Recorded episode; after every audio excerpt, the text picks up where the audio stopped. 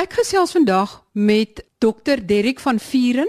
Hy's 'n geneeskundige fisioloog en met Dr. Erna Maree.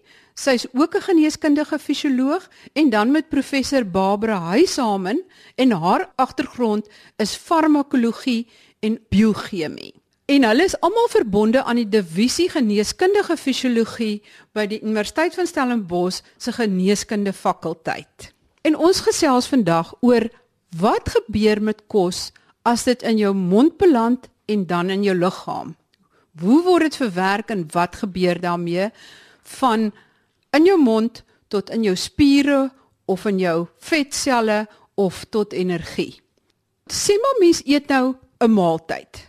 Dan het dit gewoonlik die hoofkomponente in van koolhidrate, proteïene en vette. En soos ek verstaan is daar eintlik min kosse wat net een van daai elemente of komponente bestaan. Kom ons vat eers die paadjie van koolhidrate.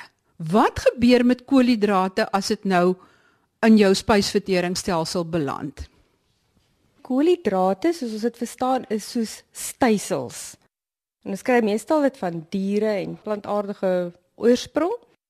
As jy 'n stukkie koekie kou, dan as jy hom lank genoeg kou, sal jy agterkom hy raak half soeterig. So in ons mond is daar alreeds amilase wat daai stysel begin afbreek. En stysel bestaan uit glikogeen en dan word dit afgebreek na monosakarides en dan is die volgende stap glikose. Ons wil al die koolhidrate afbreek dat dit op die ount glikose is of galaktose of laktose. Dit is die die kleinste vorm van koolhidrate. So die vertering daarvan begin al 'n bietjie in die mond En nou sluk jy, maar omdat jy nie lank hou nie, is daar nou nie baie vertering wat plaasvind nie. Nou sluk jy en in jou maag is daar nie vreeslik baie ensieme wat daai koolhidraat eintlik verder verteer nie, maar in jou dun darm. Die oomblik as jy in jou dun darm kom, dan skei die pankreas weer pankreatiese amilase af wat dan nou verder die vertering voortsit van die koolhidraat. En dan is hy nou in die vorm is soos glikose, laktose of galaktose, dan is jou dun darmselle in staat om dit te absorbeer. Dan gaan hy koolhidrate in jou bloed in. In jou dun darm is daar 'n natriumglikose transporter wat glikose intrek dan in jou selle van jou dun darm in. En daai transporter het jy nodig om daai glikose dan in te trek. Galaktose gaan deur soortgelyke transporter en fruktose het 'n ander tipe transporter, maar die beginsel is jy het natrium dan nodig om glikose dan in te trek. En wat interessant is van jou dindarmselle is dat hulle gebruik nie daai glikose vir hulle energie nie. Hulle gebruik 'n aminosuur soos glutamin of glutamaat om hulle eie energie te hê, want glikose is jou jou primêre energiebron vir selle nadat die glikose nou opgeneem is uit die spysverteringskanaal uit, eh, beland dit nou natuurlik in die bloedstroom en van daar af kan dit eintlik teoreties na enige orgaan toe gaan of enige weefsel wat dit wil gebruik. En hoe daardie opname werk, hoe glikose opgeneem word vanuit die bloedstroom tot in sê maar spiersel of 'n lewersel of 'n vetsel, is eintlik dood eenvoudige ehm um, divisie. En wat ons bedoel met divisie is is die glikose beweeg regtig net van waar daar baie glikose molekules is na waar daar minder glikose molekules is. So um, net nadat jy nou 'n lekker maaltyd gehad het, ehm um, gaan jou bloedglikose vlakke effe toeneem. En uh, soos wat jy glikose absorbeer en enige sel of weefsels wat dan die kapasiteit het of die behoefte het om glikose op te neem, met ander woorde wat minder glikose binne in die sel bevat, gaan dan nou glikose opneem en dit gaan bloot net in beweeg van waar daar baie glikose molekules is na waar daar minder glikose molekules is. Insulien is deel van 'n hormonale paar. Die ander eh, kant van die hormonale paar is glikagon. Nou beide van hierdie hormone word vrygestel deur die pankreas en hulle hoofdoel is eintlik net om seker te maak dat jou bloedglikose vlakke binne sekere nou grense bly. En dit is belangrik omdat sekere van die organe verskriklik afhanklik is van glikose as 'n energiebron. Baie van jou weefsels soos ehm um, lewerselle, spierselle, vetselle kan gebruik maak van vette om vir hulle energie te verskaf, maar jou sentrale senuweestelsel, veral jou brein, is regtig vreeslik afhanklik van glikose as energiebron. So dit is verskriklik belangrik dat jy liggaam se bloedglikose vlakke handhaaf en binne sekere perke want as dit te laag gaan, gaan jou brein 'n energieprobleem begin ondervind. Basies wat gebeur is is insulien word afgeskei wanneer jou bloedglikose te hoog gaan en insulien sê dan vir weefsels soos die lewer, die spier en vetselle dat hulle moet glikose opneem uit die bloed uit. En hoe hulle dit doen is is glikose is afhanklik van 'n spesifieke transporter in die ehm um, selle wat dan amper soos 'n dier in 'n muur is. Dit is 'n bietjie anders as waarvan dokter Maree gepraat het. Dit is nie 'n aktiewe proses nie. Die glikose beweeg nog steeds net van uit die bloed tot in die sel van waar daar baie glikose is na waar daar minder glikose is, maar hy kan nie direk beweeg deur die selmembraan en jy het hierdie deur nodig. En wat insulien doen is, is hy sê vir die selle, kyk, jy het meer deure nodig. So daar word letterlik net meer openinge in die selmembraan gesit vir die glikose om in te beweeg en spesifiek dan spiervet en neverselle. En as die selle reeds 'n klomp glikose in het en moontlik genoeg het, sal hulle steeds nog verder en meer glikose opneem. Dit is waar die lewer nou nog 'n belangrike rol speel. So spierweefsel kan glikose stoor deur dit om te skakel in glikogeen. So as 'n glikose molekuulietjie opeindig in 'n spiersel, kan die spiersel daai glikose molekuule gebruik vir energie of ek kan dit stoor as glikogeen. As jy nie belangstel om een van die twee te doen nie, gaan daar nie regtig 'n konsentrasieverskil wees nie, dan gaan nie regtig glikose in beweeg in die spierselle nie. Die lewer is 'n bietjie anders. Want die lewer sorg vir homself, maar hy het ook 'n bietjie van 'n verantwoordelikheid teenoor die res van die liggaam. So wat gebeur is die lewer het die vermoë om groot hoeveelhede glikogeen te stoor. So hy neem glikose op van die glikose gebruiker vir sy eie energiebehoeftes. Dit wat hy nie gebruik vir sy energiebehoeftes nie, kan hy begin stoor as glikogeen. As sy glikogeenstore vol is en versadig is, dan gaan hy nog steeds glikose opneem en hierdie addisionele glikose gaan hy begin omskakel in vette in. En hierdie vette gaan dan deur die lewer verpak word in strukture wat ons noem lipoproteïene en hierdie lipoproteïene gaan dan deur die lewer vrygestel word in die bloed, beweeg na die vetweefsels toe en daar gaan dit gestoor word as vet. So as 'n mens net op 'n koolhidrate eet is en jy eet niks vette nie, gaan jy nog steeds vet word. Want die surplus glikose gaan nog steeds omgeskakel word na uh, vette toe. As jou bloedglikose vlakke te laag daal, waar kry die liggaam weer glikose vandaan? Daar is eintlik twee bronne van glikose. So wanneer jou bloedglikose vlakke te laag daal, dis seker die beste voorbeeld hiervan is is as jy slaap in die aand. So mense is geneig om nie daaraan te dink nie, maar jy slaap vir as jy gelukkig is 6, 7, 8 ure en dit is 8 ure wat jy nie eet nie. Sit in die einde van daai 8 ure, moet jy dan kom al lankal begin het om sekere meganismes te aktiveer om jou bloedglikose vlakke hoog te hou. En daar's twee belangrike bronne vir daardie glikose. Die eerste een is die glikogeen in die lewer. So daardie glikogeen word dadelik afgebreek. Maar saam met dit, ek wil amper sê te selfde tyd, so langs aan die afbraak van glikogeen, is daar ook 'n omskepping van ander chemiese verbindings in die liggaam na glikose toe. En ons noem hierdie metabooliese proses glikoneogenese. En as 'n mens die woord uitmekaar uittrek en jy hof uitdink wat hierdie ding veronderstel om te beteken, gliko verwys na glikose en neo verwys na nuut en genese is maar net om te maak. So jy is besig om nuwe glikose te maak uit dinge soos gliserol en gliserol kom van vette af laktaat wat nou nie so 'n groot bydraende faktor is in die aand nie, maar laktaat is nou 'n ander woord vir melksuur wat mense nou tipies opbou as jy oefening doen en dan bou mense jou laktaatvlakke op en sekere aminosure soos ehm um, alanine kan ook gebruik word as 'n bron van glikose. Maar of dit nou glikogeen is wat afgebreek word en of dit nuwe glikose is wat gemaak word, die lewer is verantwoordelik vir beide daardie prosesse. So die belangrike boodskap hierso is dan eintlik jy moet net soveel koolhidrate inneem wat voldoende glikose maak vir jou om aan die gang te bly maar sodat dit nie in vet omgesit word om daar gestoor te word nie. Nou dit is 'n lewer wat nou glikogeen stoor. Ons het nou gekyk na die koolhidrate, maar ons kom nou by die vette. Wat gebeur met die vette in die liggaam? So ek eet nou weer die olies en die vet wat jy inneem. So in ons mond het ons nou weer 'n uh, ensiemetjie genaamd lipase. Hy breek maar net lipides af. Waar kry ons ons vette vandaan, dier en plantaardige vette en 90% van daai vet noem ons trigliserides. So dit is in die vorm van 'n ruggraat van gliserol en dan het hy vetsure wat daaraan vasgeheg is, verskillende tipe vetsure. Ons neem cholesterol in en ons neem vetoplosbare vitamiene in en fosfolipiede, so daar's 'n hele reeks goed wat 'n mens nou uit jou dieet uit kan opneem. So in jou mond, terwyl jy nou kou, begin daai vette al 'n bietjie afbreek, maar omdat mens maar kort kou in jou kos, gebeur daai proses nou nie ten volle nie. Nou bereik vet jou maag en in jou maag skei dit ook 'n ensiem af, 'n gastriese lipase. En hy werk nou onder 'n suur omgewing. So hy is nie regtig so effektief ook nie. Dis hoekom as 'n mens 'n dieet het met baie vet in, dan voel jy langer vol want die proses van vetvertering is nou obviously nou baie stadiger.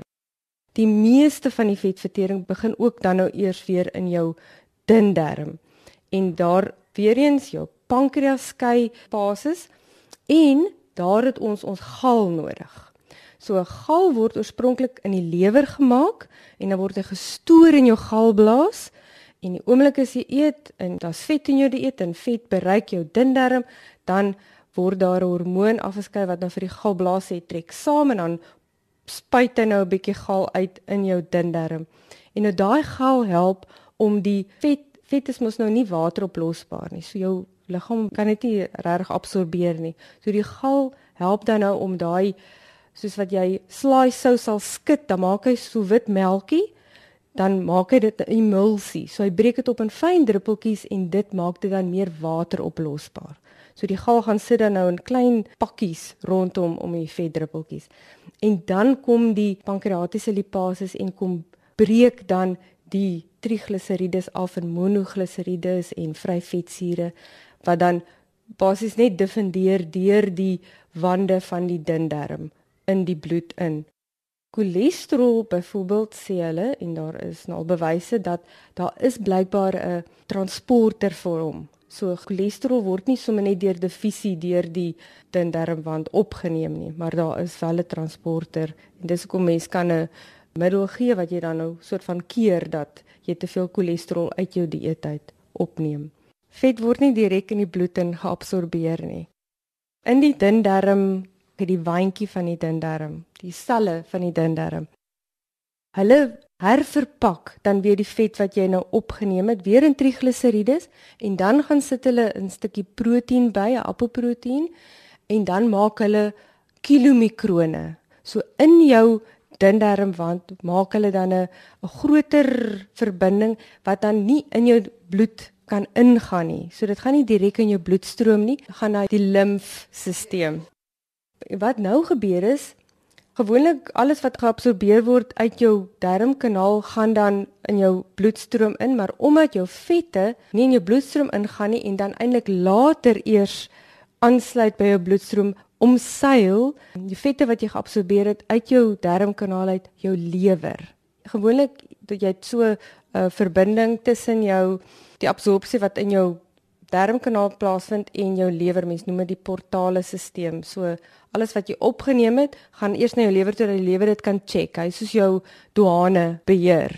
So die probleem met goed wat vetoplosbaar is, hulle gaan nie deur die lewer wat dit kan kontroleer nie. Dit gaan dan via die limfatiese stelsel en dan mond dit net voordat dit by die hart kom hier by die hart uit. So dan gaan dit deur die sirkulasie en eers later kom dit dan weer by die lewer uit.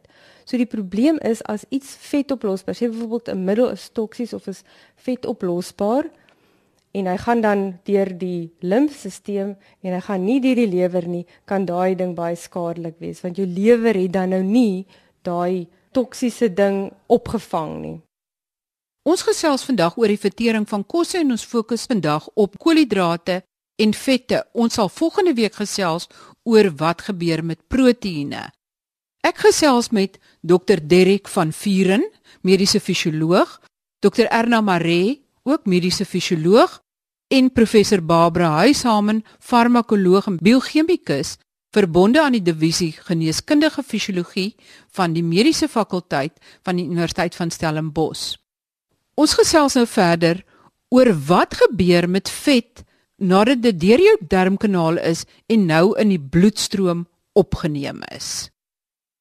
Een van die groot probleme waarmee jou liggaam nou te kampe het, is die feit dat die lipiede wat jy nou opgeneem het en wat in jou bloed ronddryf, is almal per definisie vetterig. Maar jy is meestal water. So jou bloed is meestal water en nou het jy 'n konflik hier want vet hou nie van water nie en water hou nie van vet nie. So nou moet jy liggaam 'n manier kry om die vette te verpak sodat dit nie dadelik begin neerslaan in jou bloedvatwande of wat ook al nie. En hoe dit verpak word is saam met molekules wat ewig gemaklik is met vet en water en sekere proteïene word hierdie vette dan verpak in klein strukture wat ons noem lipoproteïene.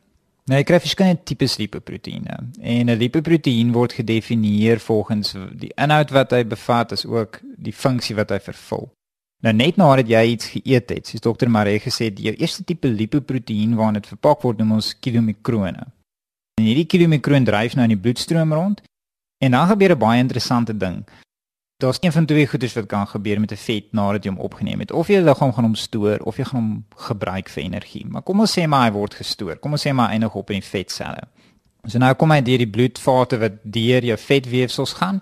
En daarso is 'n ensiem wat 'n baie interessante ensiem is. Sy naam is uh, lipoproteïen lipase of LPL. Nou hoekom LPL so interessant is is hy is nie binne in selletjies nie. Meeste van die ensieme waarvan 'n mens nou sou leer of lees in 'n biologie handboek sit binne in die sel. Hierdie ouetjie is vasgemaak in 'n sel, maar hy hang so of uit by die deur. Hy hang in die bloedstroom in. En soos hierdie lipoproteïen nou verbykom, val hierdie lipoproteïen die paase die arme uh, lipoproteïen aan en forceer hom om sy vetinhoud basies vry te stel. En hierdie vetinhoud word dadelik opgeneem die dieselfde beginsel as glikose van 'n hoë konsentrasie na 'n lae konsentrasie beweeg dit direk binne in die vetselle in wat nou net onder die bloedvate geleë is waar dit dan semier gestoor word. En dieselfde beginsel geld eintlik ook vir weefsels wat dan die uh, vette sou wou gebruik, dit sê maar spierselletjie of 'n lewersel. Selfde beginsel, lipoproteïen lipase breek hom af in die bloedstroom en hy diffundeer direk in die onderliggende selle in.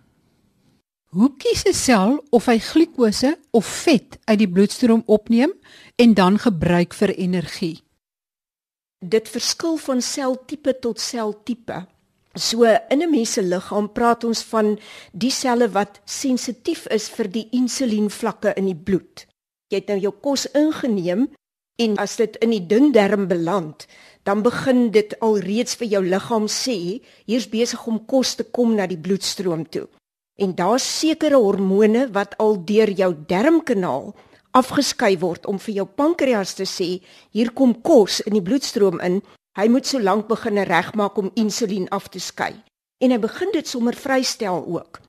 Die insuliensensitiewe organe in jou liggaam is soos jou lewer is baie insuliensensitief en dan jou spierselle en jou hart en jou vetweefsel. So alle spier, die hart is ook 'n spier en jou vetweefsel. Dis die goed wat baie afhanklik is van die insulienvlakke om hulle glikose alles te kan opneem en verbruik. Afhangend van wat die hoogste in die sirkulasie is. As jy nou 'n lekker maaltyd geëet het en al hierdie kos het nou deurgegaan tot in die bloedstroom, dan begin jou pankreas die insulien afskei.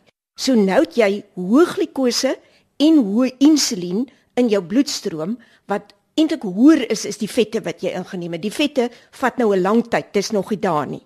So nou begin jou weefsel wat sensitief is vir hierdie insulienvlakke ook, begin nou hierdie glikose opneem as gevolg van die dryf van die gewone deure, maar ook die baie meer deure wat die insulien dan nou vir hulle gee.